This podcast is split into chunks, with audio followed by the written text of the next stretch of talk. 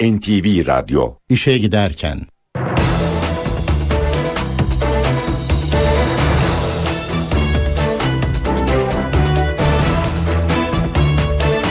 Mutlu sabahlar. Ben Aynur Altunkaş. Bugün 19 Eylül Çarşamba işe giderkenle karşınızdayız. Saat 9'a kadar Türkiye ve dünya gündemindeki gelişmeleri, gazete manşetlerini, ekonomideki son verileri, yol ve hava durumlarını aktaracağız. Önce gündemin başlıkları.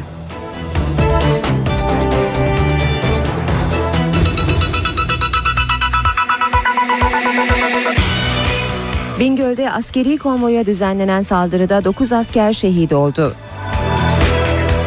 Başbakan Erdoğan ve Amerika Başkanı Obama telefonda terör konusunu görüştü. Fransa'da bir dergi Hazreti Muhammed ile ilgili karikatürler yayınladı. Çankırı'da meydana gelen trafik kazasında 10 kişi hayatını kaybetti. Karadeniz'de bulunan doğal gaz test amacıyla yakılmaya başladı. Galatasaray bu akşam Manchester United'la Şampiyonlar Ligi'nde ilk maçına çıkacak maç NTV Radyo ve NTV Spor Radyo'da. İşe giderken gazetelerin gündemi.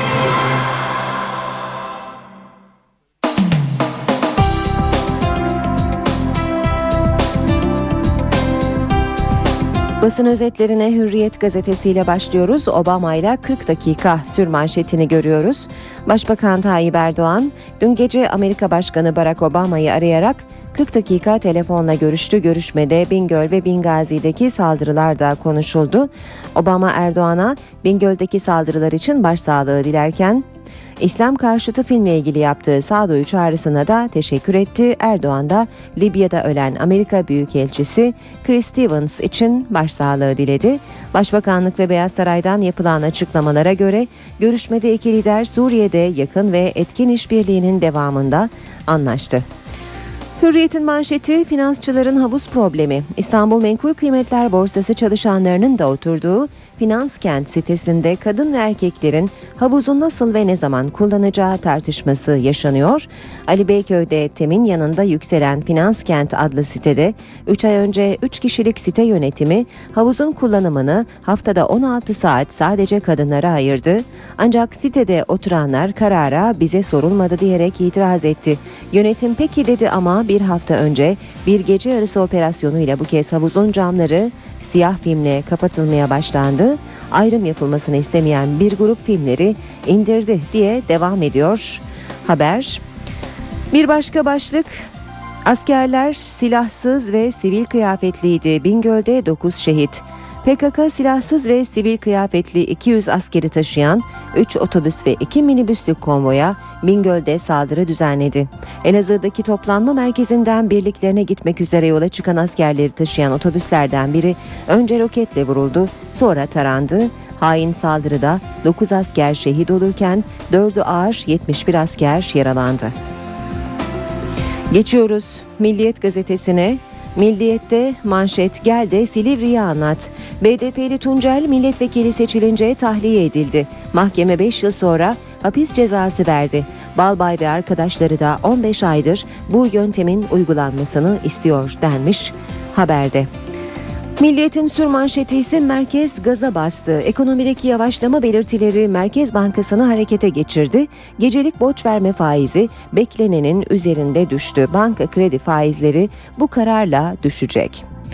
İngiliz işkencesi başlığını görüyoruz yine Milliyet'te. Şampiyonlar Ligi'nde bu akşam Manchester United'la oynayacak Galatasaray'ın kafilesi İngiltere'ye iner inmez moral bozucu olaylarla karşılaştı. 279 kişilik kafile havaalanında bir saatten fazla pasaport kuyruğunda bekletildi. Bu yetmiyormuş gibi İngiliz polisi takımı karşılayan taraftarı bir meşale yakıldı diye copladı. Basın mensupları da tartaklandı.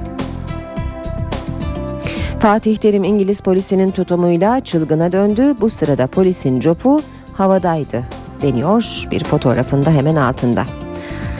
Devam ediyoruz basın özetlerine Milliyet'in ardından geçiyoruz Cumhuriyet gazetesine. Ülke ne hale geldi demiş Cumhuriyet gazetesi sayfanın yarısı siyah zemin. Bugün Cumhuriyet'te her gün evlat acısı yaşayan Türkiye teröre 9 şehit daha verdi. 200 asker izinden dönüyordu. Bingöl'de 8 polisin şehit olduğu saldırıdan 2 gün sonra terör örgütü dün de askeri konvoyu hedef aldı. Bingölmüş Karayolu'nun 16. kilometresindeki roket atarlı saldırıda 9 asker şehit oldu. 4'ü ağır 71 asker yaralandı deniyor. Hemen altında da terör tuzağında istihbarat zafiyeti başlığını görüyoruz. Türkiye yalnızca son bir haftada 29 güvenlik görevlisini yitirirken askeri konvoya yönelik saldırı, istihbarat zafiyetini ve karayollarının terör örgütünün denetiminde olduğu iddiasını yeniden gündeme getirdi. Başbakan Erdoğan'la Genelkurmay Başkanı Özel her saldırıdan sonra olduğu gibi yine bir araya geldi. Devam edelim basın özetlerine Hürriyet, e, Cumhuriyet gazetesinden orada hukuk yok ceza var. Ergenekon davasında sanıklar söz haklarının kısıtlandığı gerekçesiyle duruşmayı terk etti. Mahkeme CHP milletvekili ve Cumhuriyet yazarı Mustafa Balbay'la Tuncay Özkan ve Oktay Yıldırım'ı protestoya ön ayak oldukları gerekçesiyle 16 celseden men etti.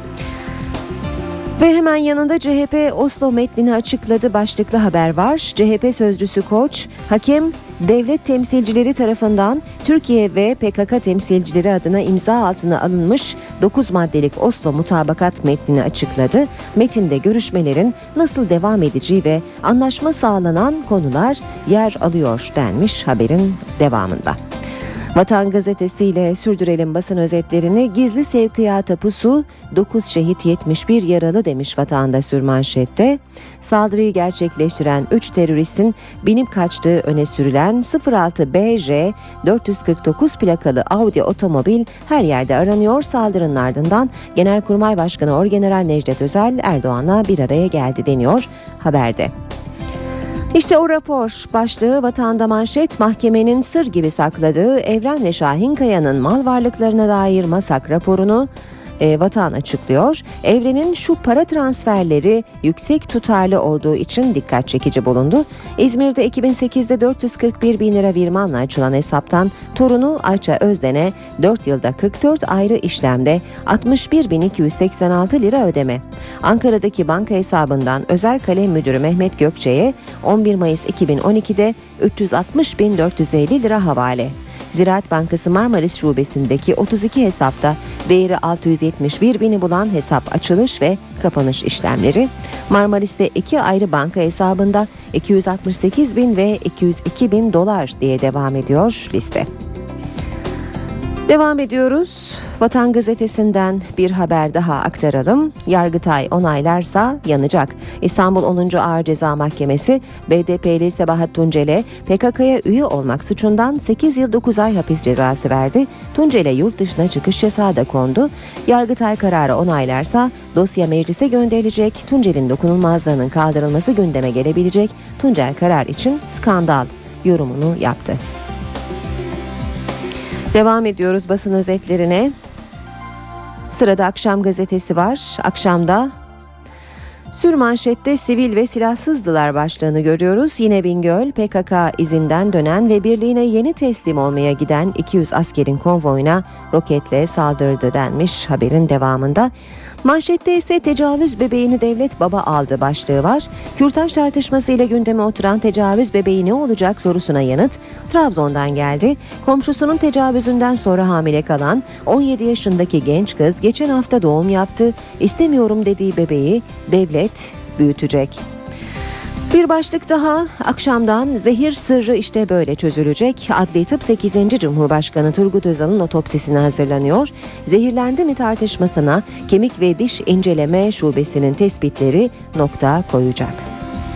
Zaman gazetesine bakalım 12 Eylül davası başlayınca hesaplarındaki parayı çekmişler manşetini görüyoruz. Mali Suçları Araştırma Kurumu 12 Eylül askeri darbe davasının görüldüğü Ankara 12. Ağır Ceza Mahkemesi'ne önemli bir rapor gönderdi. Buna göre davanın başlamasından kısa süre sonra emekli orgeneraller Kenan Evren ve Tahsin Şahinkaya'nın hesaplarından yüklü miktarda para çekildiği belirlendi. Müdahil avukatlar her iki sanığın mahkemenin mallarına el koyması endişesiyle tedbir aldığını ileri sürüyor. Yeni Şafak'ta manşet Ankara'ya tuzak teklif. Martin Dempsey pazarlığa gelmiş. Genelkurmay Başkanı'nı Ankara'ya gönderen Amerikan yönetimi Türk Silahlı Kuvvetleri'ne PKK'ya karşı mücadelede 24 saat istihbarat verme karşılığında tuzak gibi iki ağır şart koştu. Türkiye Afganistan'da Taliban'la mücadele etsin. Beşar Esad sonrası Suriye'de El-Kaide örgütünün etkinlik kazanmasının önüne geçmek için devreye girsin. Sabah gazetesine bakalım. Sabahta Türkmenistan'a yeni enerji projesi sür manşetini görüyoruz. Manşette ise ikinci kadının hukuk savaşı başlığı var. Sosyetik iş kadını Betül Artam 6 yıl birlikte olduktan sonra kendini terk eden evli diplomada manevi şiddet davası açtı deniyor. Bir başka haberde ise armatörün şok ölümü başlığını görüyoruz. Gemilerini satıp ekonomik gücünü kaybeden Murat Kalkavan kendi silahıyla intihar etti. Ve son gazete Habertürk ev dönüşü 9 şehit demiş Habertürk'te manşette Bingöl'de hain pusu roket atarlı saldırıda 5'i ağır 71 askerin de yaralı olduğu ifade ediliyor. Bitiriyoruz böylece basın özetlerini işe giderken devam edecek. Önce kısa bir aramız var.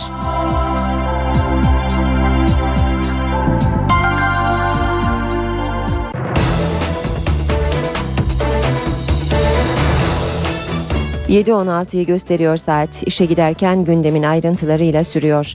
Bingöl'de seyir halindeki askeri konvoy dün öğle saatlerinde teröristlerin roket atarlı saldırısına uğradı. 9 asker şehit oldu, 70 asker de yaralandı. Şehit sayısı saldırı sonrası 10 olarak açıklanmıştı. Ancak daha sonra Erzurum'a sevk edilen bir askerin kalp masajıyla hayata döndürüldüğü açıklandı. PKK bu kez Bingöl'de askeri bir konvoyu hedef aldı. Teröristler içinde silahsız askerlerin bulunduğu bir otobüse roket atarlarla saldırdı. Saldırı Bingöl-Muş Karayolu'nun 15. kilometresindeki Kardeşler Köyü mevkiinde düzenlendi. Konvoya roket atarla saldıran PKK'lılar daha sonra uzun namlulu silahlarla ateş açtı. Konvoydakilerin karşılık vermesi üzerine çatışma çıktı. Saldırı sonrasında konvoydaki otobüslerden biri yandı. Olayın ardından bölgeye çok sayıda ambulans sevk edildi. Yaralılara ilk müdahale olay yerinde yapıldı. Durumu ağır olan askerler hava ambulans uçağıyla Ankara, Elazığ, Malatya ve Diyarbakır'a sevk edildi. Güvenlik güçlerine ulaşan bir bilgi üzerine saldırıyı yapanların bir araçla Diyarbakır yönüne gittiği yönüne anons yapıldı ve tüm birimler teyakkuza geçirildi. Saldırının ardından bölgeye karadan ve havadan destek kuvvetler gönderildi. Olay yine Bingöl'de 33 askerin şehit edildiği saldırıyı hatırlattı. Vali Hakan Güvençer hedef alınan askerlerin silahsız olduğuna dikkat çekti. Sağlık sistemi ya da yasa dizisi ya da birliklerine Van istirahatine 5 asker taşıyan sivil araç 10 onlara refakat eden zırhlı araçla birlikte hareket etmekte olan askeri konvoyumuza roket atarla menfur bir saldırı meydana geldi. Kızılay'ın Diyarbakır'daki kan nakil aracı Bingöl'e sevk edildi. Kan ihtiyacının artması ihtimaline karşı Kayseri ve İzmir kan merkezlerinden farklı gruplarda yaklaşık 900 ünite kan Bingöl'e gönderildi. Yaralı askerlere kan vermek için de çok sayıda kişi Erzurum Kızılay Kan Toplama Merkezi'ne akın etti. Bingöl'deki saldırının ardından Başbakan Tayyip Erdoğan, Genelkurmay Başkanı Orgeneral Necdet Özel ile görüştü. Başbakanlıktaki görüşme iki buçuk saat sürdü. Edinilen bilgilere göre Orgeneral Özel, Bingöl'deki saldırı ve bölgede süren operasyonlarla ilgili Başbakan Erdoğan'a bilgi verdi.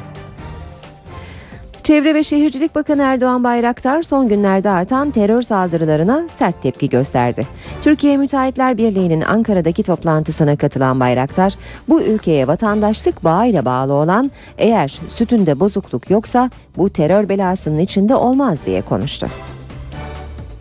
Türkiye Cumhuriyeti'nin nüfus cüzdanını taşıyan ve bu ülkeye vatandaşlık bağıyla bağlı kim olursa olsun eğer affedersiniz eğer kanında bozukluk yoksa eğer sütünde bozukluk yoksa terör olgusunun içinde olmaz. Yani ben cebime de aldım. Yani şu, şu, şu, şu nüfus cüzdanını taşıyan, şu nüfus kağıdını taşıyan bir kimse bu affedersiniz kahvenin içinde olmaz. Olamaz. Bunların sütü bozuk, kanı bozuk ve satılmışlar. Çok değerli kardeşler, bu terör belasından kurtaracağız. Yani bütün dünya bunu bilmelidir.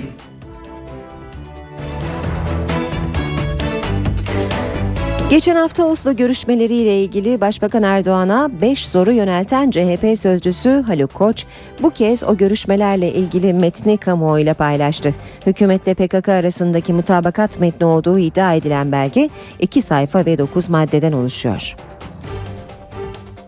PKK ile yaptığın mutabakat protokolünü hakem devlet iki taraf adına imzalayıp muhafazasına aldı mı almadı mı Sayın Başbakan? AKP PKK mutabakat metni burada.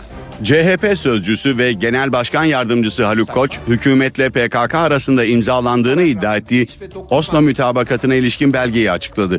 Koç, Başbakan Erdoğan'ın altında benim imzam yok sözlerine yanıt verdi. İngiltere tarafından taraflar adına imza altına alınmış ve aslı hakem devlet merkezinde arşive alınmıştır. Benim altımda imzam var mı yok mu diye şimdi soruyorsun. Bu ne pişkinlik Sayın Başbakan? Haluk Koç'un iddiasına göre hükümetle PKK seçimden önce KCK tutuklularının serbest bırakılması ve tarafların silah bırakması konusunda mütabakata vardı. Koç ayrıca müzakerelerin Abdullah Öcalan'ın önerdiği taslak doğrultusunda devam etmesi konusunda da uzlaşma sağlandığını iddia etti. Haluk Koç, Başbakan Erdoğan'a Oslo görüşmeleri sırasında MİT Müsteşarı Hakan Fidan'ın söylediği öne sürülen nasıl olsa özerk bölge olacak sözlerinin arkasında olup olmadığını da sordu. Koç, CHP'nin suç duyurusunda bulunacağını açıkladı. Yargıya çağrı yapma zamanı gelecek. Suç duyurusu şeklinde olacak belgelerinde. CHP sözcüsü Abdullah Öcalan'ın Murat Karayılan'a yazdığını iddia ettiği belgeleri de kamuoyuyla paylaşacağını söyledi. BDP milletvekili Sırrı Sakınoğlu'nun ölümünden sonra Başbakan Erdoğan'dan aldığı taziye telefonu yeni bir diyalog kanalının açılmasına yol açar mı? BDP'li vekillerin ifadesiyle iklim değişir mi? Siyaset şimdi bu soruların yanıtını arıyor. AK Parti temkinli, MHP ise tepkili. BDP milletvekili Sırrı Sakık'ın taziye için kendisini arayan Başbakan Recep Tayyip Erdoğan'a yaptığı akan kanı durdurun çağrısı siyasetin gündeminde. Sakık'a elimden geleni yaptım karşılık bulmadı diyen Başbakan'a BDP'den destek geldi. Şırnak milletvekili Hasip Kaplan, Başbakan isterse iklim değişir dedi. Elbette ki bu konumu itibariyle hükümet olması hesabıyla bu tür sorunun çözümü konusunda rolü ve önemi var. Ve en kısa sürede, kısa vadede yapılması gereken silahların susması, ölümlerin durması, acıları sonu verilmesidir. Siyaset kurumunun hedefi stratejik olarak silahın hak arama aracı olmaktan çıkarıldığı tamamen. Çağrıya AK Parti'den temkinli sesler yükseldi. siyasette müzakere derken öyle demiyorlar. Yani e, hem şiddeti siz e, alkışlayın hem teröristle kucaklaşın ondan sonra gelin müzakere ederim denmiyor. Demokrasinin standartları, hukuk devletinin sınırları içerisinde şiddeti dışlayarak, terörü dışlayarak, bunların kabul edilmezliğini ortaya koyarak biz ne yapmamız lazım? Hangi siyasi görüşte olursak olalım oturmamız lazım. CHP çağrıya ihtiyatlı yaklaşıyor. MHP yeni bir diyalog kanalının açılmasına da karşı. Sayın Başbakan çıkıyor işte terör durursa operasyonlar durur. Yani orada medet uman bir yaklaşımla terörle mücadele edemezsiniz. Devlet silah bıraktıracak. Bu kadar açık ve net. Bu süreci başından itibaren aldığınız zaman PKK'nın artık alan bölge hakimiyeti yaratmaya dönük eylemlerinin öncesinde PKK'nın burada devleti oyaladığı, gelişen uluslararası konjonktürün de etkisiyle yeni ihaleler alabilecek güce konuma ulaştıktan sonra bunu kullanma gayretine girdiğini görüyoruz. Barış ve Demokrasi Partisi milletvekili Sabahat Tuncel terör örgütüne üye olmak suçundan 8 yıl 9 ay hapse mahkum oldu. Yurt dışına çıkış yasağı da konulan Tuncel'in avukatı kararı temiz edecek. Yargıtay kararı onarsa Tuncel'in milletvekilliği düşecek ve cezaevine girecek. Yargıtay kararı onaylarsa BDP milletvekili Sabahat Tuncel hapse girecek. Tuncel PKK üyesi olmak suçundan 8 yıl 9 ay hapse mahkum edildi. Tuncel'e mahkumiyet kararı getiren dava 2007 yılında milletvekili seçilmeden önce başladı. PKK üyesi olmaktan yargılanan Tuncel cezaevindeyken seçildi, tahliye oldu. Bu dava karara bağlandı. İstanbul 10. Ağır Ceza Mahkemesi'nde görülen karar duruşmasına tutuksuz sanık Tuncel katılmadı. Avukat Baran Doğan, Tuncel'in örgüt üyesi olduğuna dair delil olmadığını söyleyerek tahliyesini istedi. Ancak mahkeme heyeti Sabahat Tuncel'i PKK üyesi olmak suçundan 8 yıl 9 ay hapse mahkum etti. Mahkeme ayrıca Tuncel hakkında yurt dışına çıkış yasağı koydu. sorunları muğlaklaştırarak Tuncel'in avukatı kararı temyiz edecek. Yargıtay kararı onaylarsa karar Meclis Genel Kurulu'na gönderilecek. Bu durumda Sebahat Tuncel'in yargılandığı suç anayasanın 14. maddesi kapsamında milletvekili seçilmeye engel olarak gösterilen terör suçu olduğundan milletvekilliği düşecek ve cezaevine konulacak.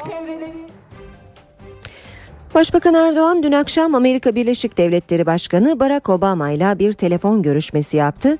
Görüşmede her iki lider birbirlerine taziye mesajı iletti. Başbakan Erdoğan, Amerika Başkanı Obama'yı telefonla aradı ve 40 dakika süreyle görüştü. Obama Erdoğan'a son Bingöl ve daha önceki terör saldırılarında şehit olan güvenlik güçleriyle ilgili taziyelerini iletti. Başbakan da Obama'ya Libya'da öldürülen Amerikalı diplomatlar nedeniyle başsağlığı diledi. Amerika Başkanı ayrıca Hz. Muhammed'e hakaret filmini gerekçe göstererek Amerikan yabancı misyonlarına yapılan saldırıları kınayan ve İslam dünyasına provokasyona gelmeyin çağrısında bulunan başbakana takdirlerini iletti. İki lider Suriye'deki son durumu da ele aldılar. Geçiş süreciyle ilgili karşılıklı kaygılarını paylaştılar. Hazreti Muhammed'e hakaret içeren filme tepkiler devam ederken konuyla ilgili yeni bir kriz kapıda. Bu sefer krizin adresi Fransa. Charlie Hebdo dergisi bugünkü sayısında Hazreti Muhammed ile ilgili karikatürler yayımladı. Ayrıntıları NTV Strasbourg muhabiri Kayhan Karaca aktarıyor. Hazreti Muhammed'in aşağılandığı Müslümanların Masumiyeti adlı filme olan tepkiler henüz dinmemişken Fransa yeni bir Hazreti Muhammed karikatürü krizine hazırlanıyor. 2006 ve 2011 yıllarında yayınladığı Hazreti Muhammed karikatürleriyle krizlere neden olan Charlie Hebdo adlı haftalık siyasi hiciv dergisi bugün piyasaya çıkacak sayısıyla bir kez daha Müslümanları hedef aldı. Dergi iç sayfalarına da taşıdığı karikatürlerle Müslümanların Masumiyet adlı tartışmalı filme Fransa'da radikal İslamcıların düzenlediği gösterilere tepki verdiğini söylüyor. Derginin kapağında bir Musevi'nin ittiği tekerlekli sandalyeye oturtulmuş bir Müslüman görünüyor. İkili ağızdan alay etmeye gelmez ifadesini kullanıyor. İç sayfalarda ise Hz. Muhammed'i temsil eden ve kendisini çıplak gösteren bir karikatüre yer veriliyor. Karikatürler henüz yayınlanmadan Fransa'da tartışmaya neden oldu. Ülkedeki Müslüman kuruluşları karikatürlere sert tepki gösteriyor. Fransız hükümeti ise karikatürlerin şiddet olaylarına neden olmasından korkuyor. Başbakan Jean-Marc Ayrault, ifade özgürlüğünün Fransız Cumhuriyeti'nin temellerinden olduğunu söylemekle birlikte tüm tarafları sorumlu olmaya çağırdı. Derginin Paris'teki merkezi etrafında ise güvenlik çemberi oluşturuldu. Karikatürlerin yayınlanmasının ardından bugünden itibaren Fransa'nın birçok kentinde protesto gösterileri düzenlenebileceği söyleniyor. 1970 yılından bu yana yayınlanan Charlie Hebdo dergisinin haftalık ortalama tirajı 75 bin. Kayhan Karaca, NTV Strasbourg. İslam dünyasında Hz. Muhammed'e hakaret içeren filme tepki sürüyor. Filistin ve Pakistan'da ise gösterilerde tansiyon oldukça yüksekti. Hazreti Muhammed'e hakaret eden filme öfke dinmiyor. İslam dünyasını ayağa kaldıran filme bir tepki de Filistinlilerden geldi. Kudüs'te sokağa dökülen yüzlerce kişi önce filmi protesto etti, daha sonra da İsrail'in kontrolündeki geçiş noktalarını hedef aldı. Taş ve havai fişek fırlatan kalabalığa İsrail güvenlik güçleri göz yaşartıcı gazla karşılık verdi. Bir başka protesto ise Pakistan'ın Karaçi kentinde düzenlendi. Amerikan konsolosluğu yakınlarında toplanan kalabalık Amerikalı yetkililerin sınır dışı edilmesini istedi. Pakistan hükümetinden Amerikan elçisini sınır dışı etmesini istiyoruz. Bu çağrıyı tüm Müslüman ülkelere de yapıyoruz. Ali Pakistan ne tamam Müslüman hukmaran ve OIC se rakast hai. Peşaver kentinde ise güvenlik güçleri göstericilere müdahale etti. Polis göstericileri göz yaşartıcı gaz ve plastik mermilerle dağıtmaya çalıştı. Çıkan arbedede yaralananlar oldu. Birazdan spor haberlerine bakacağız. Kısa bir aramız var. Ara vermeden önce gündemin başlıklarını hatırlatalım.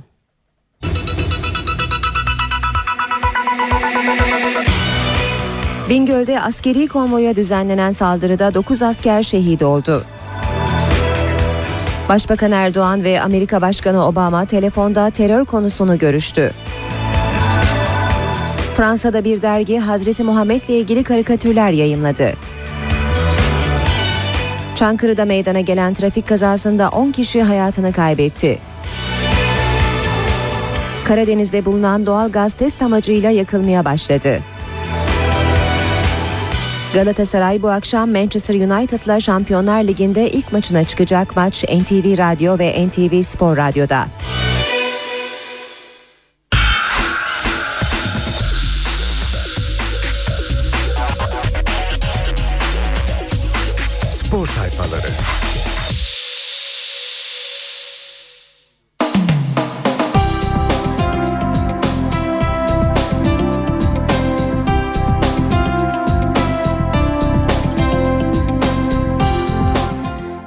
Radyo'da işe giderken spor haberleriyle devam ediyor. Saat 7.36.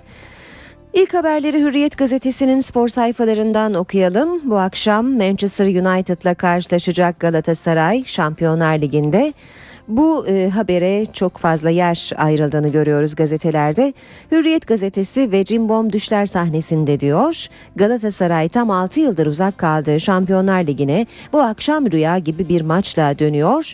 Temsilcimizin Old Trafford'da Manchester United'la oynayacağı bu dev karşılaşma saat 21.45'te başlayacak. Maçın NTV Radyo ve NTV Spor Radyo'dan canlı yayınlanacağını söyleyelim. Maç öncesi Galatasaraylı yönetici Abdurrahim Albayrak'ın hürriyete açıklamaları var. Manchester United maçı öncesi Fatih Terim'e güven duyduğunu belirtiyor Albayrak. Onların Ferguson'ı varsa bizim de terimimiz var. Rakibe saygımız olsa da gözümüzde çok büyütmüyoruz. Türkiye'ye eli boş dönmeyeceğiz. Hiçbir rakipten çekinmeyen bir hocamız var. Bu duyguları takımımıza da aşıladı. Galatasaray Şampiyonlar Ligi ve Manchester United'a yabancı değil futbolcular kafa olarak hazır. Galatasaray kafilesi İngiltere'ye iner inmez bazı olumsuz durumlarla karşı karşıya geldi. Fatih Terim İngiliz polisiyle tartıştı başlığıyla görüyoruz haberi. İki taraftarın gözaltına alınmasıyla başlayan gerginlik Galatasaraylıların serbest bırakılmasıyla sona erdi. Bir başka haber dört büyükleri dize getiren adam Turgay Demirel 105 oyla 6. kez Basketbol Federasyonu Başkanı oldu. Diğer aday Ali Doğan 67 oy alabildi. Beşiktaş, Fenerbahçe, Galatasaray ve Anadolu Efes Doğan'ı desteklediğini açıklamıştı. Ancak 20 yıllık Başkan Demirel bir genel kuruldan daha zaferle ayrıldı. Hürriyet gazetesinden bir diğer başlığa geçelim. Fener siyasi parti gibi olacak Sarı Lacivertlilerin 1 milyon üye projesinin ayrıntıları birer birer ortaya çıkıyor. Proje için tüzükte değişiklik yapılması şart. Fenerbahçe siyasi partilerin mahalle, il ve genel merkez sıralanması gibi bir yapılanma içine girecek ancak mevcut üyeler ikna edilebilmiş değil. Lider ben değilim Necip Fernandez genç takım arkadaşını överken Aybaba'ya da övgüler yağdırdı. Manuel Fernandez beni yıldız olarak değerlendirmeyin dedi.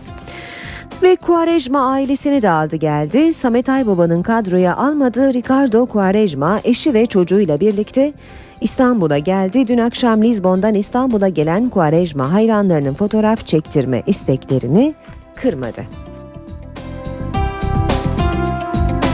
Ve hürriyetten son başlık büyük takım Real nefesleri kesen maçta e, son sözü Ronaldo söyledi. Devler Ligi'ne inanılmaz bir zaferle başladı. Zeko'nun golüyle geriye düşen Real Madrid'in City'ye yanıtı Marcelo ile oldu. Marcelo ile oldu. 85'te Kolarov'un friki ile tekrar yenik duruma düşen Mourinho'nun öğrencileri Benzema ve Ronaldo'nun son 3 dakikaya sığdırdığı gollerle kabustan uyandı. Milliyet gazetesine geçelim. Milliyet'te Şeytan sofrası başlığı var. Galatasaray Şampiyonlar Ligi'nin ilk maçında Manchester United'a konuk oluyor. Bu akşam saat 21.45'te başlayacak maçın NTV Radyo ve NTV Spor Radyo'dan canlı olarak yayınlanacağını hatırlatalım. İngiliz klasiği demiş Milliyet Galatasaray kafilesi Manchester'da bir saatten fazla pasaport kuyruğunda bekledi. Bekletildi. İngiliz polisi takımı karşılayan taraftarı meşale yüzünden copladı. Çılgına dönen Fatih Terim iki kişiyi gözaltına alan polisle sert şekilde tartıştı. Görevimiz tehlike. Terim dünyanın en iyi takımlarından biriyle oynayacaklarını söyledi. Manchester United'ın geçen sene Şampiyonlar Ligi'nde başarısız olması bizim için tehlike dedi. Büyük marifet başlığını görüyoruz. Basketbol Federasyonu'ndaki seçimlerle ilgili habere büyük marifet başlığını atmış Milliyet. Basketbol Federasyonu Genel Kurulu dün Ankara'da gerçekleştirildi. 20 yıldır başkanlık görevini yürüten Turgay Demirel, Fenerbahçe, Galatasaray, Beşiktaş ve Anadolu Efes gibi devlerin desteğini alan Ali Doğan'a fark atarak bir dönem daha başkan seçildi. Devam ediyoruz. Milliyetten haberler aktarmaya yenmek kolay değil. Musa Sov yarın akşam karşılaşacakları Marsilya için şu an formlarının zirvesindeler. Kimse onlardan böyle bir başarıyı ummuyordu. İyi oyuncularla kolektif oynayan iyi bir takım görüntüsü çiziyorlar. Onları yenmek kolay değil dedi. Yine Milliyet gazetesinden aktaralım. Feda sezonunda olur mu bu cefa? Asgari ücretin 739 lira olduğu Türkiye'de Beşiktaş Elazığ maçını kapalıdan izlemenin bedeli tam 170 liraydı. Dakikası 1,8 lira. Kartal iyi ki bu sezon Avrupa'da yok. Taraftarın Barcelona maçına bilet almak için ev araba satmaları gerekebilirdi. Bu değerlendirmeler Milliyet yazarı Levent Kalkan'a ait. Devam edelim yine milliyetten aktarmaya. Yeni komutan Portekiz basını Beşiktaş'ın başarısına şapka çıkardı. Teknik direktör Aybaba için de yeni komutan yakıştırması yaptı. Gazeteler Fernandez ve Almeida'nın başrol oynadığını belirtti.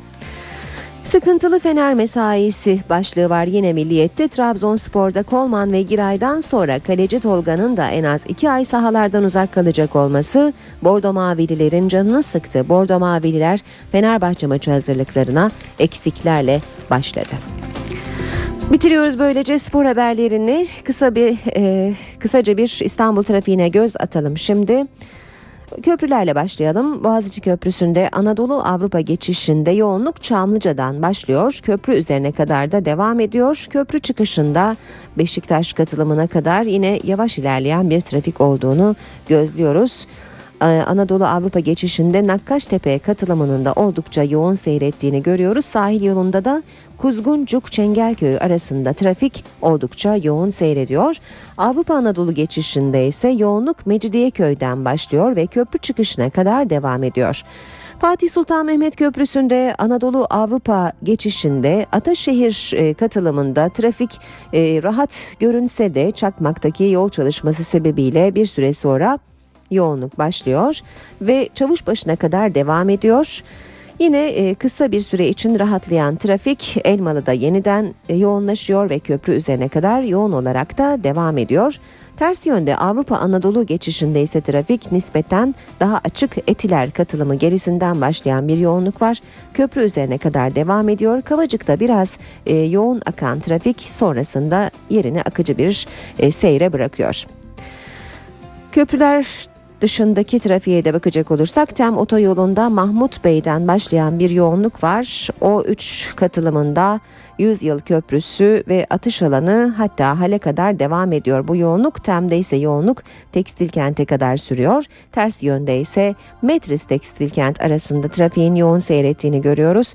E5 karayolunda Şirin Evler de bir yoğunluk var. Yeni Bosna'dan başlayan bu yoğunluk İncirli'ye kadar devam ediyor. Ters yönde de aynı e, bölgede bir yoğun trafik olduğunu gözlemliyoruz. Küçük çekmece ve avcılar arasında da trafiğin çift yönlü olarak yoğun seyrettiği gözlemleniyor. Anadolu yakası E5'te trafik nispeten daha rahat. Gülsuyu kavşağında bir yoğunluk var ve ayrıca yol çalışması sebebiyle Pendik kavşağında da trafik çift yönlü olarak yoğun akıyor.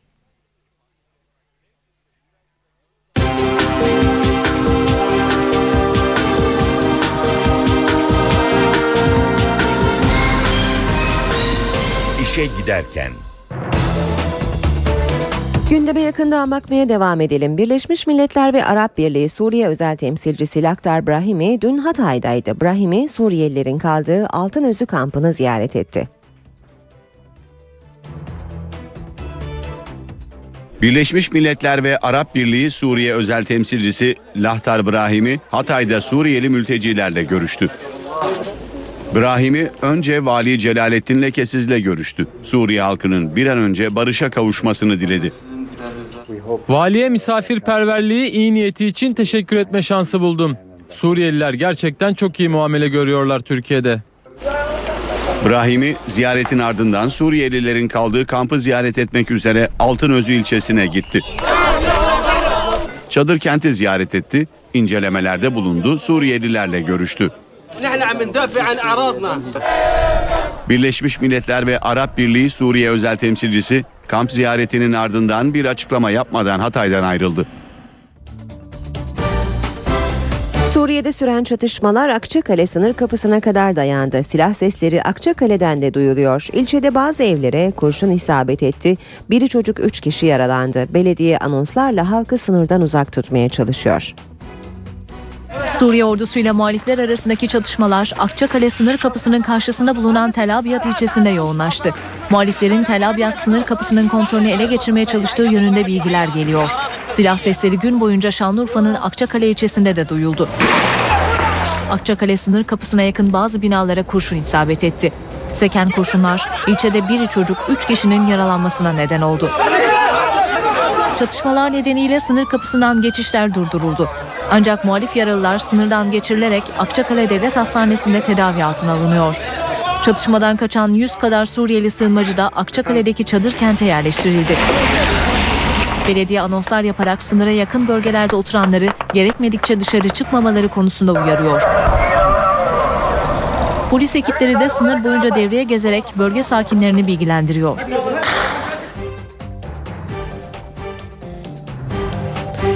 Dışişleri Bakanı Ahmet Davutoğlu Lübnan'da kaçırıldıktan 27 gün sonra özgürlüğüne kavuşan Türk iş adamı Aydın Tufan Tekin ve ailesiyle görüştü. Görüşmede bulunan Lübnan eski eski Lübnan Başbakanı Fuat Zinyora da Tufan'dan ülkesi adına özür diledi.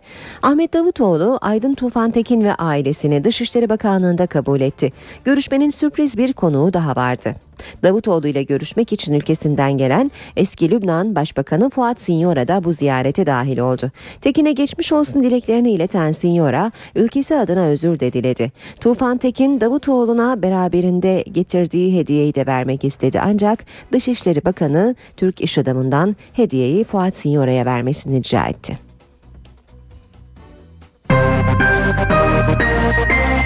İşe giderken 8. Cumhurbaşkanı Turgut Özal'ın mezarının açılması kararına ailesi temkinli yaklaşıyor. Eğer sonuç alınmayacaksa mezarın açılmasından yana değiller. Özal'ın mezarının ne zaman açılacağına ise İstanbul Başsavcılığı karar verecek. Uzmanlar sonuç elde etme ihtimalinin düşük olduğu görüşünde.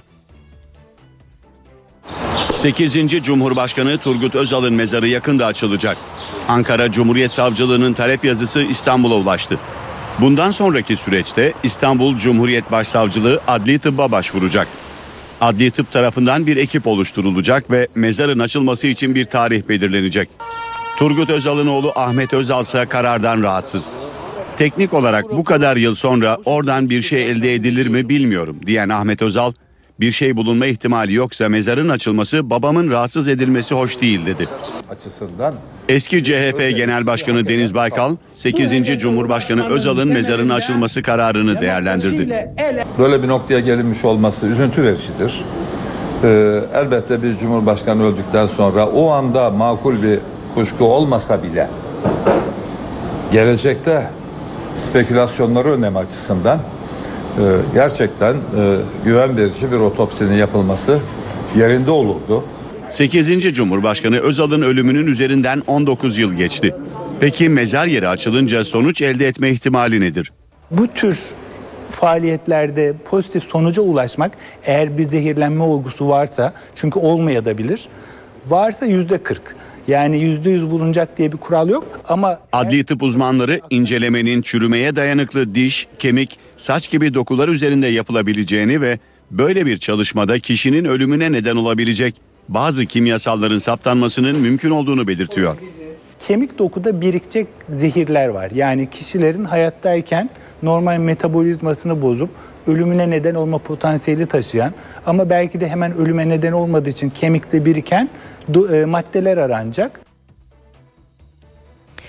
Turgut Özal'la aynı yıl hayatını kaybeden eski jandarma genel komutanı Eşref Bitlis'in ölümüyle ilgili yeni bir iddia ortaya atıldı. Ergenekon davasının tutuksuz sanığı emekli albay Arif Doğan, Bitlis'in hayatını kaybettiği uçak kazasıyla ilgili ifade verdi. Uçağın düşmesinden yabancı gizli servisleri sorumlu tuttu.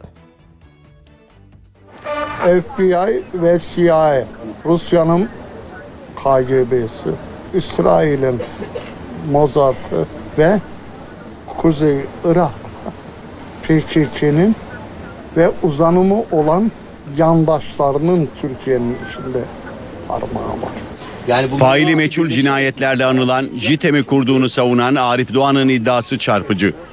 Doğan 1993 yılında uçağının şüpheli bir şekilde düşmesiyle hayatını kaybeden Jandarma Genel Komutanı Eşref Bitlis olayında yabancı gizli servislerin parmağı olduğunu iddia etti.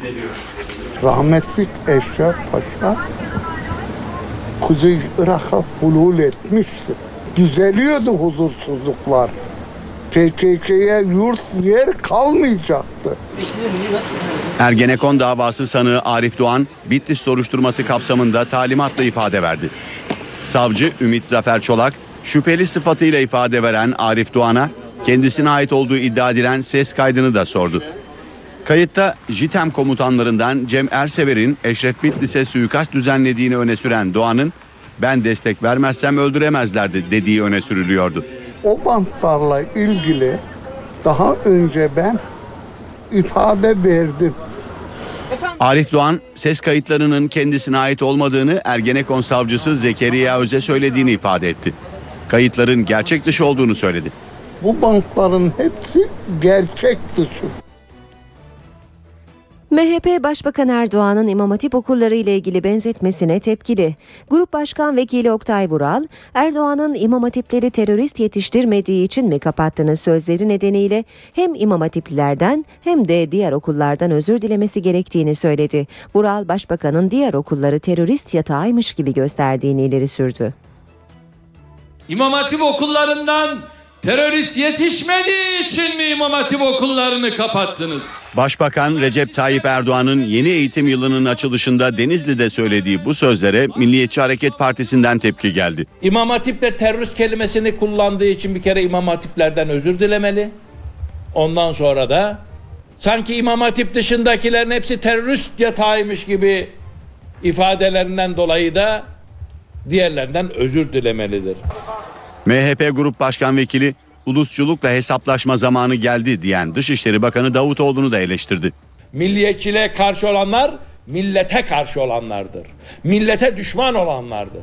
Benim milli kimliğim suni değildir ey Davutoğlu. Oktay Vural, Uludere ve Afyon'da neler olduğunu bilmek istiyoruz diyen TÜSİAD Başkanı Ümit Boyner'e Başbakan'dan gelen sert yanıtı da eleştirdi. Milletin neyi ne kadar öğreneceğine Sayın Başbakan sen mi karar vereceksin yani? Yani bu ülkenin Ali Kıran baş keseni sen misin ya? NTV Radyo Herkese yeniden günaydın. Ben Aynur Altunkaş. Sırada hava durumu var. NTV Meteoroloji ekibinden merhaba. Yurdun kuzey ve iç kesimlerde serin ve yağışlı hava koşullarıyla sonbahar hissedilmeye başladı. Kuzeydeki yağışlar önümüzdeki günlerde de aralıklarla devam edecek. Hava serinliyor. Özellikle cuma ve cumartesi günü Marmara'da havanın daha da serinlemesini bekliyoruz. Bugün ışığın batı ve kuzey kesimlerde serin hava etkisini sürdürürken aralıklarla yağışlar yer yer kuvvetli olmak üzere devam edecek. Doğu Anadolu ve Güneydoğu'da ise yaz havası etkisini sürdürecek çünkü sıcaklıklar yine yüksek değerlerde olacak. Bugün Trakya'da yağış etkisini kaybederken İç ve Kuzey Ege, Marmara'nın doğusu, Batı Karadeniz ve İç Anadolu'nun batısı ve Doğu Karadeniz'de aralıklarla yağışlar devam edecek. Yarın Karadeniz boyunca yağış var ve yağışlar gün içinde Edirne Kırklar arasında kısa süreli sağanaklar şeklinde görülebilir. Cuma günü Trakya'dan başlayarak hava serinlerken Marmara, Batı ve Orta Karadeniz'de yer yer kuvvetli sağanaklar görülecek. Bölgelerin bugünkü durumuna baktığımız zaman Trakya'da yağış etkisini kaybetti ama yer yer bulutlu hava olacak. Edirne ve civarında çok bulutlu bir hava görülürken sıcaklıklarda da birkaç derecelik azalış var. Çanakkale, Balıkesir, Bursa, Sakarya, İstanbul boyunca aralıklarla yağış görülürken Balıkesir'de sıcaklık 25 derece olacak. İzmir'in kuzey kesimlerinde kısa süreli yağışlar var. Muğla parçalı bulutlu, Denizli Afyon Karahisar arasında ise kısa süreli yağış bekliyoruz. Isparta'da hafif yağış geçişleri görülürken Antalya çok bulutlu olacak. Mersin Adana boyunca da açık bir hava var. Adana'da sıcaklık 34 dereceye geçecek. Ankara'da kısa süreli yağışlar görülürken Ankara Eskişehir arasında da yağış var ve Konya'da da yağış bekliyoruz ama Niğde, Kayseri, Sivas boyunca açık bir hava olacak. Bolu Zonguldak arasında yine kısa süreli yağışlar görülürken Samsun parçalı bulutlu, Trabzon Artvin'de ise açık az bulutlu bir hava olacak. Malatya'da hava açık ve sıcaklık 33 derece. Erzurum, Kars, Hakkari boyunca da açık az bulutlu bir hava olacak.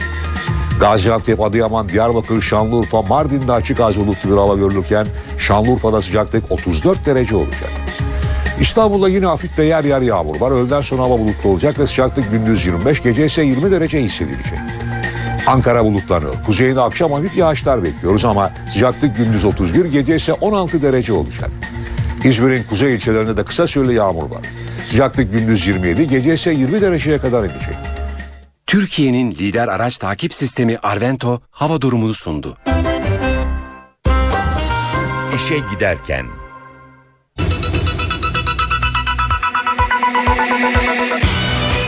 Bingöl'de askeri konvoya düzenlenen saldırıda 9 asker şehit oldu. Başbakan Erdoğan ve Amerika Başkanı Obama telefonda terör konusunu görüştü. Fransa'da bir dergi Hazreti Muhammed'le ilgili karikatürler yayımladı. Çankırı'da meydana gelen trafik kazasında 10 kişi hayatını kaybetti. Karadeniz'de bulunan doğal gaz test amacıyla yakılmaya başladı. Galatasaray bu akşam Manchester United'la Şampiyonlar Ligi'nde ilk maçına çıkacak maç NTV Radyo ve NTV Spor Radyo'da. İşe giderken gazetelerin gündemi.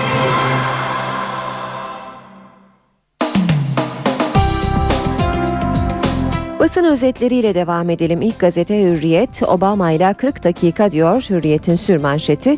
Başbakan Tayyip Erdoğan dün gece Amerika Başkanı Barack Obama'yı arayarak 40 dakika telefonda görüştü. Görüşmede Bingöl ve Bingazi'deki saldırılarda konuşuldu. Obama Erdoğan'a Bingöl'deki saldırılar için başsağlığı dilerken İslam karşıtı filmle ilgili yaptığı sağduyu çağrısına da teşekkür etti. Erdoğan da Libya'da ölen Amerika Büyükelçisi Chris Stevens için başsağlığı diledi. Başbakanlık ve Beyaz Saray'dan yapılan açıklamalara göre görüşmede iki lider Suriye'de yakın ve etkin işbirliğinin devamında anlaştı. Hürriyette manşet finansçıların havuz problemi. İstanbul Menkul Kıymetler Borsası çalışanlarının da oturduğu Finans Kent sitesinde kadın ve erkeklerin havuzu nasıl ve ne zaman kullanacağı tartışması yaşanıyor. Ali Beyköy'de TEM'in yanında yükselen Finans Kent adlı sitede 3 ay önce 3 kişilik site yönetimi havuzun kullanımını haftada 16 saat sadece kadınlara ayırdı ancak sitede oturanlar karara bize sorulmadı diyerek itiraz etti. Yönetim peki dedi ama bir hafta önce bir gece yarısı operasyonuyla bu kez havuzun camları siyah filmle kapatılmaya başlandı. Ayrım yapılmasını istemeyen bir grup filmleri indirdi. %60 çözülmez Turgut Özal'ın mezarının açılması kararını değerlendiren adli tıp uzmanları sonuç almak için bir tutam yani 100 miligram saç yeterli zehirlenme olup olmadığını net şekilde belirleme ihtimali %40 diyor. Geçiyoruz Milliyet gazetesine. Milliyet'te manşet gel de Silivri'yi anlat. BDP'li Tuncel milletvekili seçilince tahliye edildi. Mahkeme 5 yıl sonra hapis cezası verdi. Balbay ve arkadaşları da 15 aydır bu yöntemin uygulanmasını istiyor. Bir diğer başlık merkez gaza bastı. Ekonomideki yavaşlama belirtileri Merkez Bankası'nı harekete geçirdi. Gecelik borç verme faizi beklenenin üzerinde düştü. Banka kredi faizleri bu kararla düşecek. Yine milliyetten başlık İngiliz işkencesi. Şampiyonlar Ligi'nde bu akşam Manchester United'la oynayacak olan Galatasaray'ın kafilesi İngiltere'ye iner inmez moral bozucu olaylarla karşılaştı. 279 kişilik kafile havaalanında bir saatten fazla pasaport kuyruğunda bekletildi. Bu yetmiyormuş gibi İngiliz polisi takım e, takımı karşılayan taraftarı da bir meşale yakıldı diye copladı. Basın mensupları da tartaklandı. Vatan gazetesiyle devam ediyoruz. Gizli sevkiyata pusu 9 şehit 71 yaralı sür manşeti var e, vatanda. Bingöl'de 1993'te silahsız 33 askeri şehit eden teröristler 19 yıl sonra yine aynı yerde kalleş eyleme imza attı. Sivil 200 askerin gizli sevkiyatının PKK'ya nasıl sızdığı araştırılıyor. Elazığ Kabul Toplama Toplanma Merkezi'nden Van ve Muş'a asker taşıyan 10'u zırhlı, 5'i sivil, 15 araçlı konvoya sabah Kardeşler Köyü yakınında roketli saldırı düzenlendi. Öndeki iki otobüs kaçtı, arkalarındaki araç isabet alıp yandı. Teröristlerin ateş açtığı otobüsteki 9 asker şehit oldu, 71'i de yaralandı. Yine vatandan başlık işte o rapor mahkemenin sır gibi sakladığı Evren ve Şahin Kaya'nın mal varlıklarına dair masak raporunu açıklıyor vatan. Evren'in şu para transferleri yüksek tutarlı olduğu için dikkat çekici bulundu diye sıralanmış. İzmir'de 2008'de 441 bin lira virmanla açılan hesaptan torunu Ayça Özden'e 4 yılda 44 ayrı işlemde 61.286 lira ödeme, Ankara'daki banka hesabından özel kalem müdürü Mehmet Gökçe'ye 11 Mayıs 2012'de 360.450 lira havale, Ziraat Bankası Marmaris Şubesi'ndeki 32 hesapta değeri 671 bini bulan hesap açılış ve kapanış işlemleri diye devam ediyor liste. Zaman gazetesi de 12 Eylül davası başlayınca hesaplarındaki parayı çekmişler demiş manşette. Mali Suçları Araştırma Kurumu 12 Eylül askeri darbe davasının görüldüğü Ankara 12. Ağır Ceza Mahkemesi'ne önemli bir rapor gönderdi. Buna göre davanın başlamasından kısa süre sonra emekli orgeneraller Kenan Evren'le Tahsin Şahinkaya'nın hesaplarından yüklü miktarda para çekildiği belirlendi. Müdahil avukatlar her iki sanığın mahkemenin mallarına el koyması endişesiyle tedbir aldığını ileri sürüyor. Devam ediyoruz basın özetlerine. Cumhuriyet gazetesi var sırada. Siyah zemin üzerine beyaz harflerle ülke ne hale geldi demiş manşetinde Cumhuriyet. Her gün evlat acısı yaşayan Türkiye teröre 9 şehit daha verdi. 200 asker izinden dönüyordu. Bingöl'de 8 polisin şehit olduğu saldırıdan 2 gün sonra terör örgütü dün de askeri konvoyu hedef aldı. Bingöl-Muş Karayolu'nun 16. kilometresindeki roket atarlı saldırıda 9 asker şehit oldu. 4'ü ağır 71 asker yaralandı.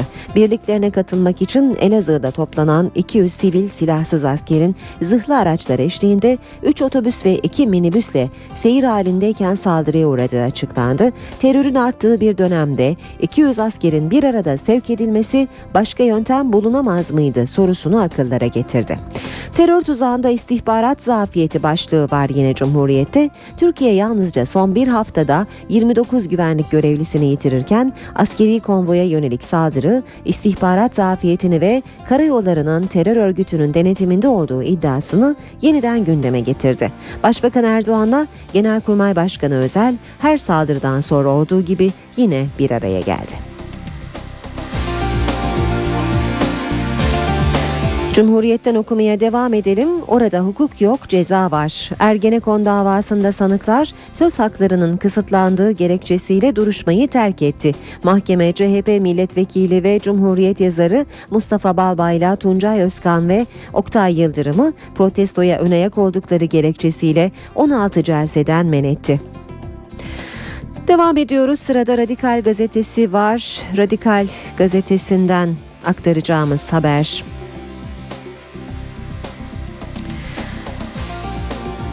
Gazetenin manşetinde yer alıyor. Bu nasıl güvenli sevk? 10 şehit 70 yaralı. Bu 10 şehidi e, daha sonra e, düzelterek 9 şehit olarak e, açıklandığını belirtelim. Askerlerden birinin kalp e, masajıyla hayata döndürüldüğünü duyurmuştuk size. 8 polisin şehit olduğu Bingöl'de bu kez askerler hedef alındı. PKK sivil kıyafetli 200 askerin bulunduğu konvoya roketle saldırdı demiş. Radikal gazetesi de nefretle mücadele için yasa şart başlığını görüyoruz yine Radikal'de.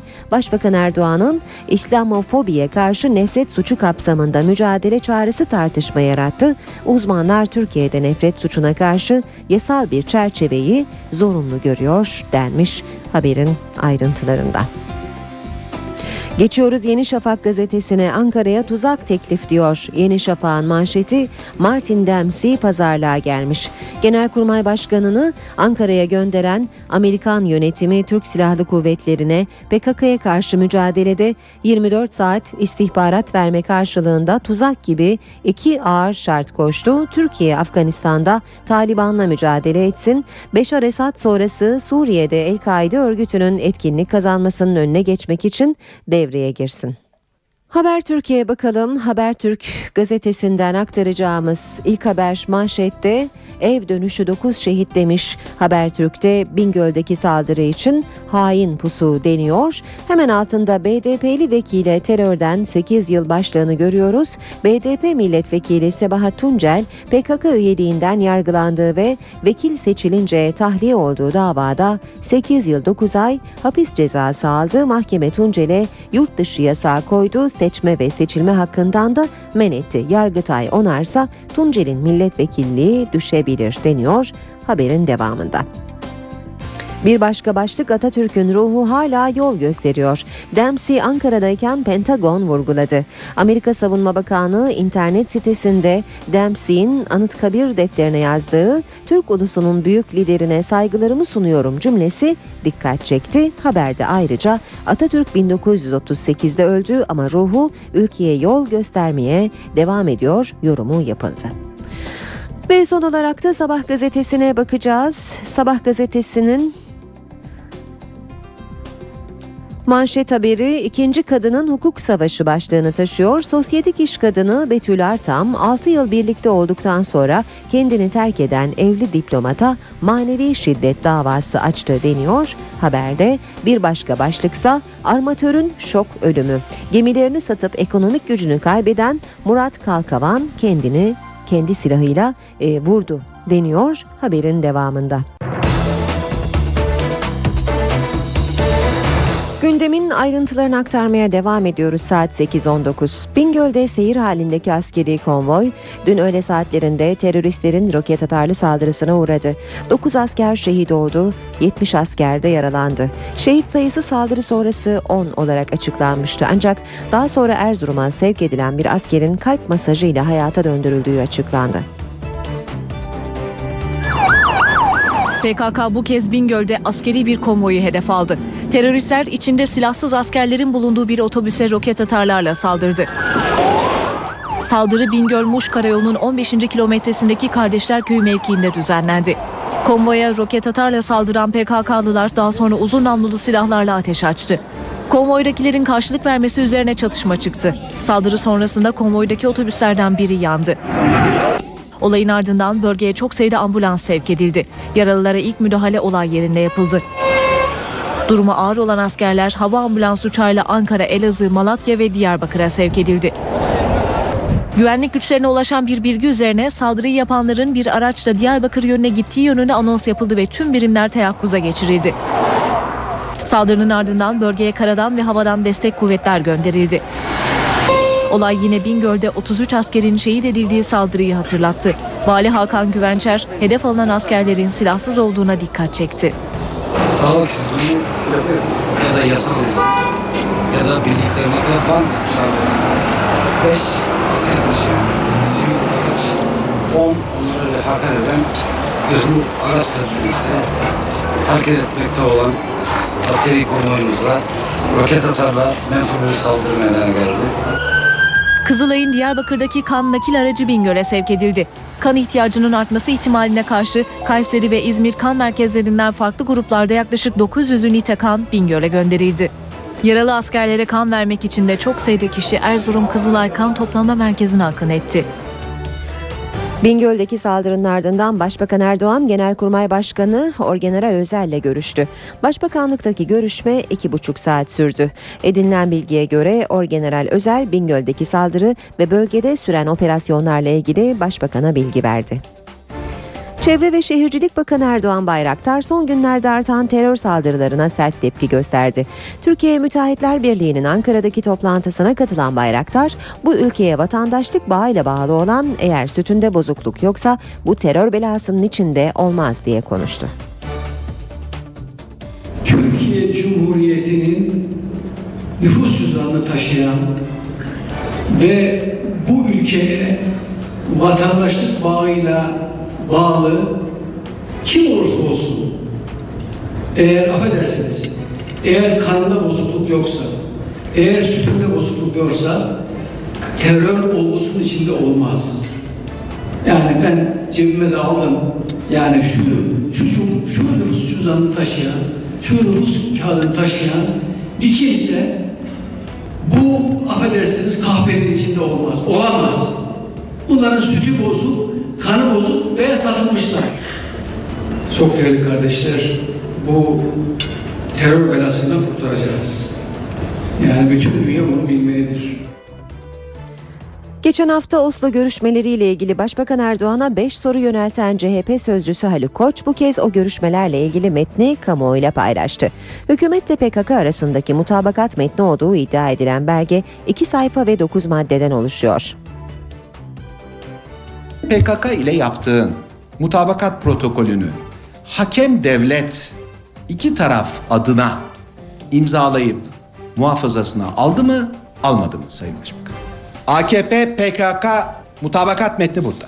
CHP sözcüsü ve Genel Başkan Yardımcısı Haluk Koç, hükümetle PKK arasında imzalandığını iddia ettiği Oslo mütabakatına ilişkin belgeyi açıkladı. Koç, Başbakan Erdoğan'ın altında benim imzam yok sözlerine yanıt verdi. İngiltere tarafından taraflar adına imza altına alınmış ve aslı hakem devlet merkezinde arşive alınmıştır. Benim altımda imzam var mı yok mu diye şimdi soruyorsun. Bu ne pişkinlik Sayın Başbakan? Haluk Koç'un iddiasına göre hükümetle PKK seçimden önce KCK tutuklularının serbest bırakılması ve tarafların silah bırakması konusunda mütabakata vardı.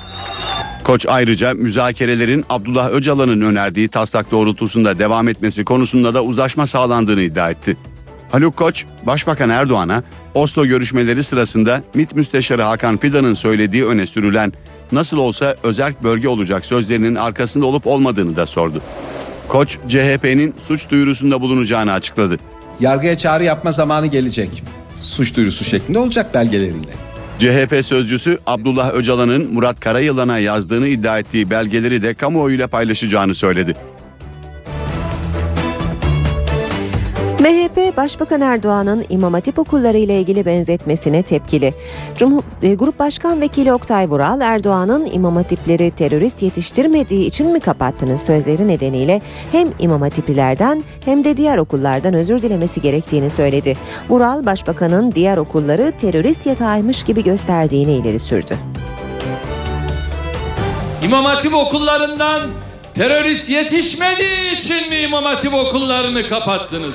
Başbakan Recep Tayyip Erdoğan'ın yeni eğitim yılının açılışında Denizli'de söylediği bu sözlere Milliyetçi Hareket Partisi'nden tepki geldi. İmam Hatip'te terörist kelimesini kullandığı için bir kere İmam Hatiplerden özür dilemeli.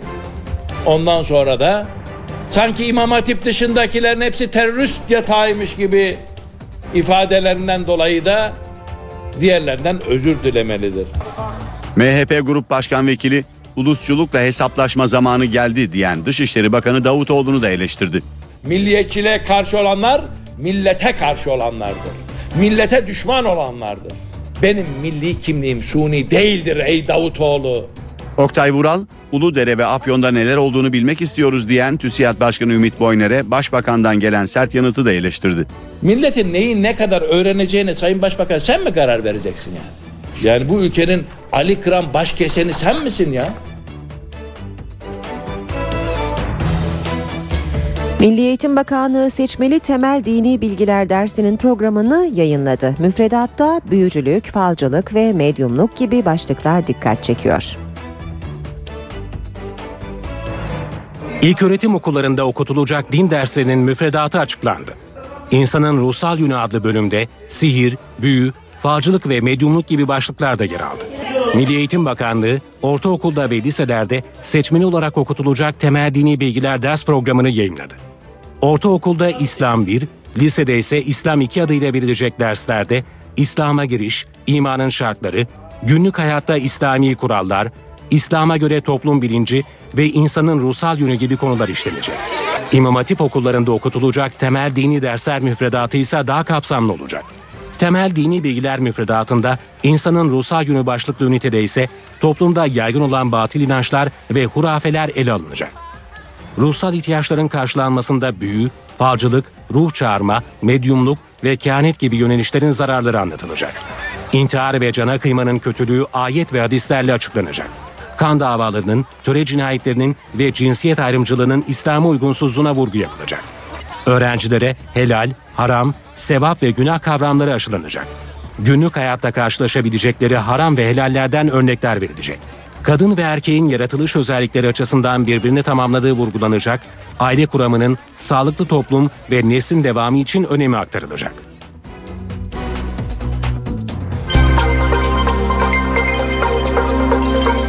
Ankara gündemi.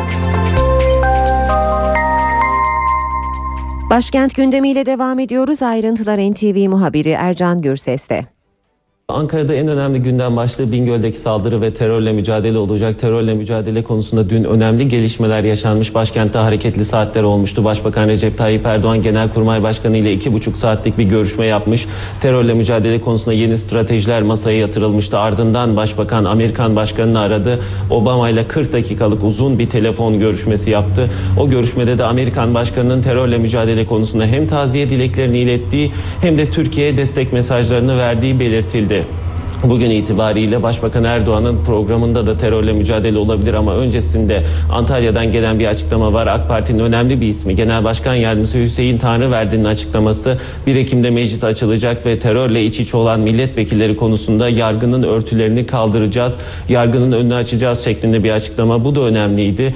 Bu da Ankara'da tartışılacak bir konu. Onu hatırlatalım. Rutin gündem başlıklarına baktığımızda Başbakan Erdoğan'ın programı yine ön plana çıkıyor. Başbakan, Başbakanlık resmi konutta bugün iki önemli kabule imza atacak. Paralimpik olimpiyatlarda madalya alan sporcuları kabul edecek. Ardından da Arap ve Uluslararası İlişkiler Konseyi heyetiyle görüşecek. Ankara'nın siyasi gündemine baktığımızda ön plana çıkan konu da Has Parti Olağanüstü Kongresi. Has Partililer AK Parti'ye katılacak yakında ve bugünkü kongrede kendilerini feshedecekler. Az sayıda Has Partilinin buna itiraz edebileceği belirtiliyor. Tüzel kişiliğin devamı yönünde bir karar alınmasını istiyorlar ama Has Parti bugün kendini feshedecek edecek. Genel Başkan Numan Kurtulmuş ve bazı has partilerde ayın 22'sinde bir törenle AK Parti'ye katılacaklar. Ankara'da bugün bir cenaze töreni de var ön plana çıkan. Siyasetçilerin sıfırcı hocası olarak bilinen Ankara Üniversitesi Siyasal Bilgiler Fakültesi öğretim üyesi Kurtan Fişek hayatını kaybetmişti. Bugün hem üniversitede hem de Kocatepe Camii'nde onunla ilgili bir cenaze töreni düzenlenecek. Bunu da hatırlatmakta yarar var. İçişleri Bakanı İdris Naim Şahin'in bir programı söz konusu bugün. Polis Akademisi Fakültesi, Polis Akademisi Güvenlik Bilimleri Fakültesi akademik yıl açılış törenine katılacak. Bakanların programına da şöyle bir baktığımızda Ulaştırma Bakanı Binali Yıldırım'ın Romanya Ulaştırma Bakanı'yla bir programının olduğunu görüyoruz. Yine Çevre ve Şehircilik Bakanı Erdoğan Bayraktar'ın İller Bankası sporcuları ödül törenine katılacağını hatırlatalım. Yeniden söylemek gerekirse başkentte gündem terörle mücadele olacak ve terörle mücadele konusundaki gelişmeler gündeme yön verecek. Günün en önemli olayları. Haberin tüm yönleri. Kırıcı bir üslubumuz yok. Bir şey istedik sadece. Perde arkası. Sorumlular ortaya çıkarılacak ve gereken yapılacaktır. Anında radyonuzda. NTV Radyo İstanbul. NTV Radyo İzmir. NTV Radyo Ankara. NTV Radyo Irak. NTV Radyo Kahire. NTV Radyo. Habere ulaşmanın en kolay yolu. 8.30 saatimiz NTV Radyo'da işe giderken de birlikteyiz. Ben Aynur Altunkaş. Birazdan piyasalar ve İstanbul trafiğine bakacağız. Önce gündemin başlıklarını hatırlıyoruz.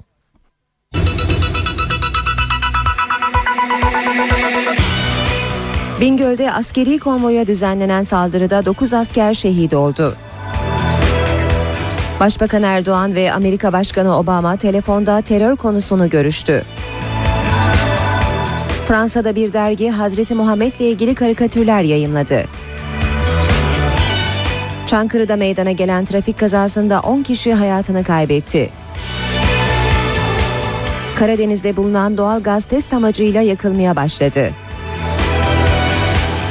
Galatasaray bu akşam Manchester United'la Şampiyonlar Ligi'nde ilk maçına çıkacak maç NTV Radyo ve NTV Spor Radyo'da.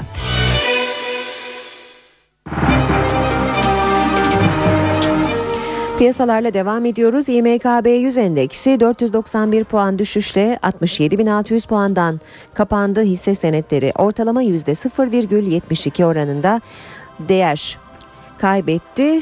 Bu sabah serbest piyasada dolar 1.79, euro 2.35'ten işlem görüyor. Euro dolar paritesi 1.31, dolar yen paritesi 79 düzeyinde.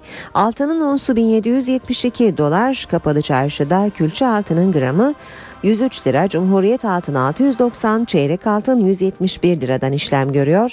Brent petrolün varil fiyatı 113 dolar. İşe giderken Ve sırada trafik var. İstanbul trafiğine bakacağız. Fatih Sultan Mehmet Köprüsü'nde Anadolu Avrupa geçişinde yoğunluk Ümraniye kavşağındaki yol çalışmasını geçer geçmez hemen başlıyor ve köprü üzerine kadar devam ediyor. Köprüden sonra trafik oldukça rahat. Avrupa Anadolu geçişinde ise gişelerden ve etiler katılımından hatta başlayan bir yoğunluk var. Köprü üzerinde trafik oldukça akıcı görünüyor. Ümraniye kavşağındaki çalışmalara kadar ve hatta Ataşehir katılımına kadar trafiğin oldukça rahat olduğunu söyleyebiliriz. Boğaziçi Köprüsü'nde Anadolu Avrupa geçişinde Çamlıca'ya geçtikten sonra başlayan bir yoğunluk var. Köprü çıkışında Beşiktaş katılımına kadar devam ediyor. Şu anda e, bize ulaşan bir kaza haberi var. Daha doğrusu yolda kalan bir araç var. D100'de Cevizli Bağ Topkapı yönünde bir araç yolda kaldı ve bu bölgede trafik bu nedenle yoğunlaşıyor. Önümüzdeki dakikalarda daha da yoğunlaşabilir uyaralım sürücüleri. Avrupa Anadolu geçişinde Boğaziçi Köprüsü'nde yoğunluk Mecidiyeköy'den başlıyor. Köprü çıkışında da bir süre devam ediyor. Bu arada Barbaros Bulvarı Yıldız katılımında trafiğin yoğun olduğunu görüyoruz. Şehir içinde Maslak'tan Zincirlikuyu'ya kadar trafiğin yavaş ilerlediğini görüyoruz. Yine aynı şekilde Tem otoyolunda İstoç'ta Tekstil kent arasında İstoç tekstil, e, tekstil kent arasında çift yönlü olarak bir yoğunluk var. E5 karayolunda parseller Küçükçekmece arasında çift yönlü yine yoğunluk olduğunu söylemek mümkün.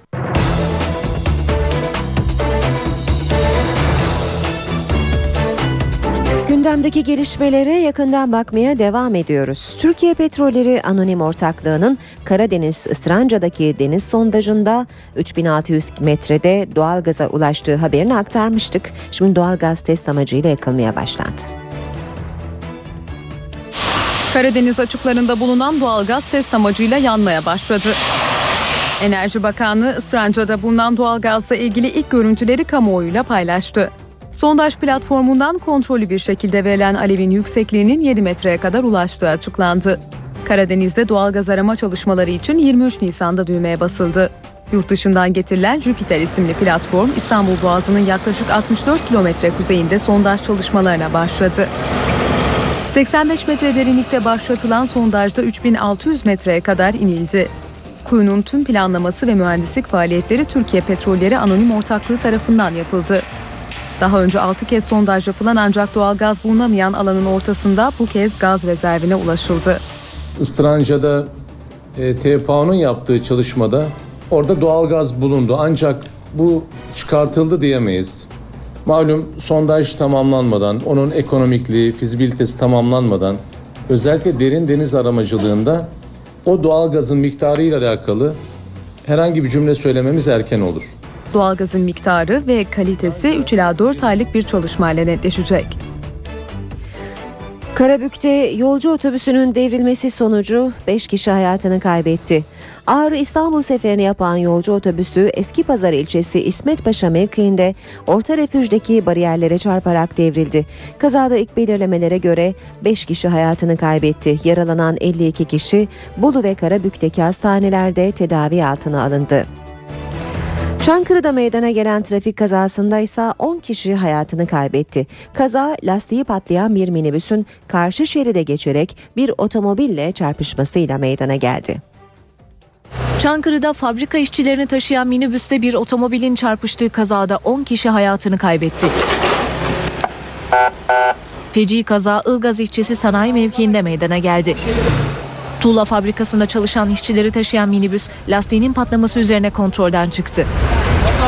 Şerit değiştiren minibüs karşı yönden gelen otomobille çarpıştı. Bölünmüş yol. Şuna bakarsanız. Yani bölünmüş yolun öbür iki şeridinden Bu iki şeride atlıyor. Minibüs bana ifade edilen savcı beyin ifade ettiği burada da Ilgaz istikametine giden araca çarpıyor. Yani binde bir olacak bir ihtimal olasılık meydana geliyor. Otomobilde bulunan 6 kişi olay yerinde, minibüste bulunan 4 kişi ise kaldırıldığı Çankırı Devlet Hastanesi'nde yaşamını yitirdi. Kaza nedeniyle uzun süre ulaşıma kapanan karayolunda araç kuyruklara oluştu. Antalya'nın Alanya ilçesinde bir apartmanın dördüncü katından düşen bir yaşındaki çocuk lokantanın önündeki branda sayesinde hafif yaralı olarak kurtuldu. 14 aylık Nuri Efe Boz, Şekerhane mahallesindeki evlerinin dördüncü katında oyun oynarken düştü. Bir yaşındaki çocuk önce apartmanın altındaki lokantanın brandasına çarptı, ardından güneşliğin kırılması sonucu yere düştü. Hafif şekilde yaralanan çocuk Alanya Devlet Hastanesi'ne kaldırıldı. Çanakkale'nin Biga ilçesinde aşırı yağış sele neden oldu. Sele kapılan bir kadın yaşamını yitirdi. Kayıp bir kişiyi arama çalışması ise sürüyor. Kentte ayrıca dere taşması sonucu su baskınları yaşandı. Çanakkale-Bursa karayolu da trafiğe kapandı. Çanakkale'nin Biga ilçesi sele teslim oldu.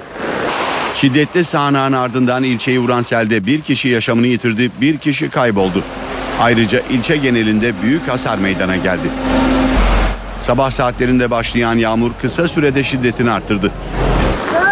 Biga ilçesinde etkili olan sağanak bir süre sonra sele dönüştü.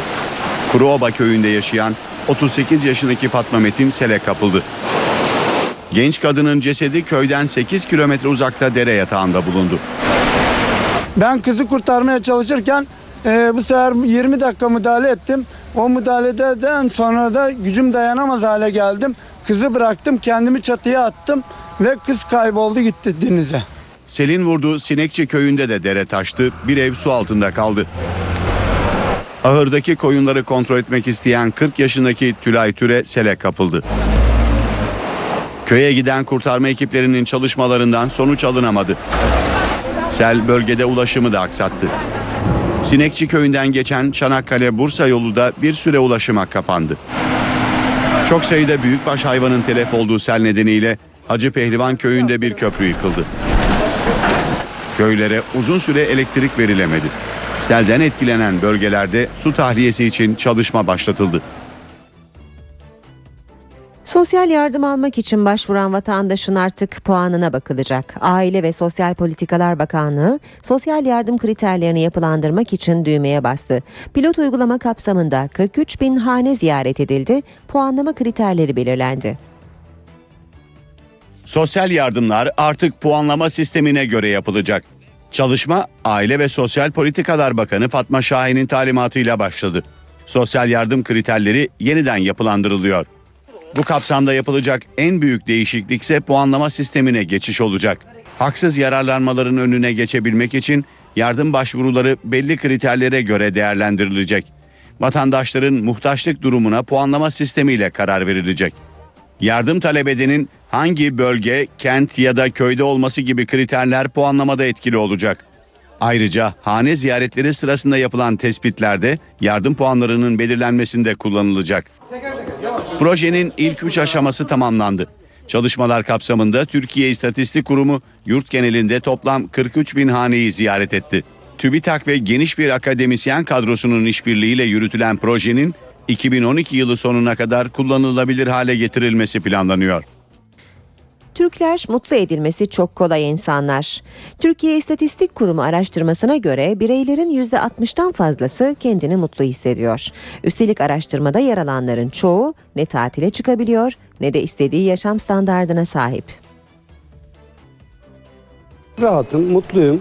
Ee, geçimimi herhangi bir sıkıntım yok. Çalışıyoruz. Tatile çıkabiliyor musun her sene? Normalde izinimiz var ama bu sene şartlar öyle gerektirmedi. ne mutlusu?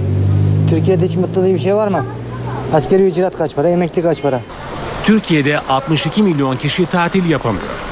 30 milyon kişi çatısı akan bir evde oturmak zorunda. 30 milyon kişi ısınamıyor.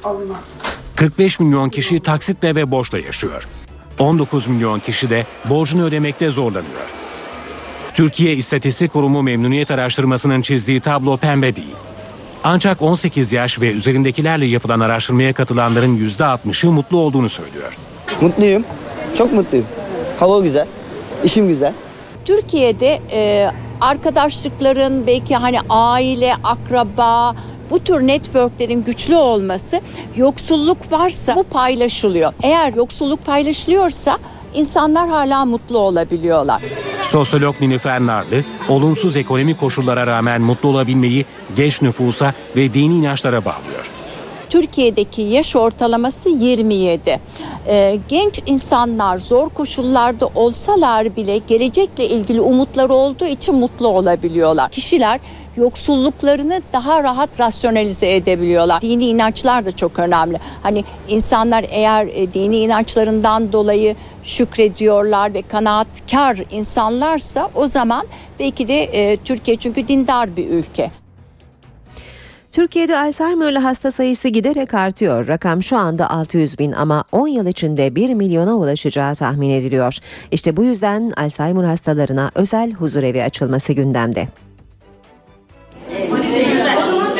Aynı bir çocuk yuvasındaki gibi boyama resim yapıyor, yapbozları birleştiriyorlar. Tek fark burada herkes 60'ın üzerinde. Burası Türkiye'nin ilk Alzheimer kreşi. Unutuyorum. Göz açıp kapayınca unutuyorum.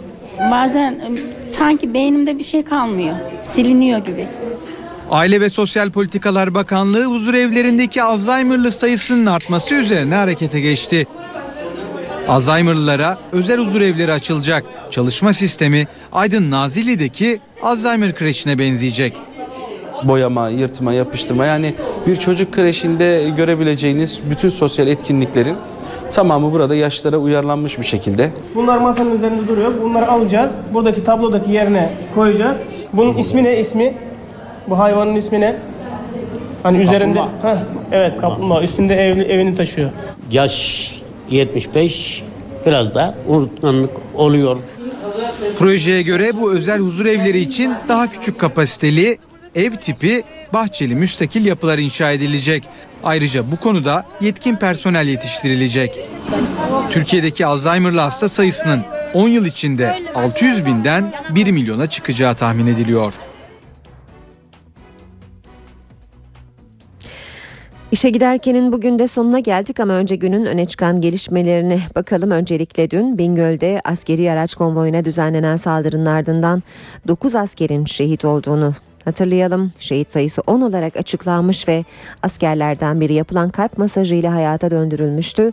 Saldırının bir diğer dikkat çeken ayrıntısı konvoyda izinden dönen askerlerin olması. Başbakan Erdoğan saldırının ardından Genelkurmay Başkanı Özel'le bir araya geldi. Ayrıca Erdoğan Amerika Başkanı Obama ile 40 dakikalık uzun bir telefon görüşmesi yaptı. Terör ve Suriye'deki son durum gündem başlıklarıydı. Bugün önemli bir gelişmede Has Parti'nin olağanüstü kongresi olacak. Kongrede Has Parti kendisini feshedecek. Ardından bilindiği gibi Numan Kurtulmuş'la bazı Has Partililer 22 Eylül'de yapılacak bir törenle AK Parti'ye katılacaklar. Bitiriyoruz böylece programımızı saat başında gelişmelerle yeniden birlikte olacağız. Ben Aynur Altunkaş. Mutlu bir gün diliyorum. Hoşçakalın. NTV Radyo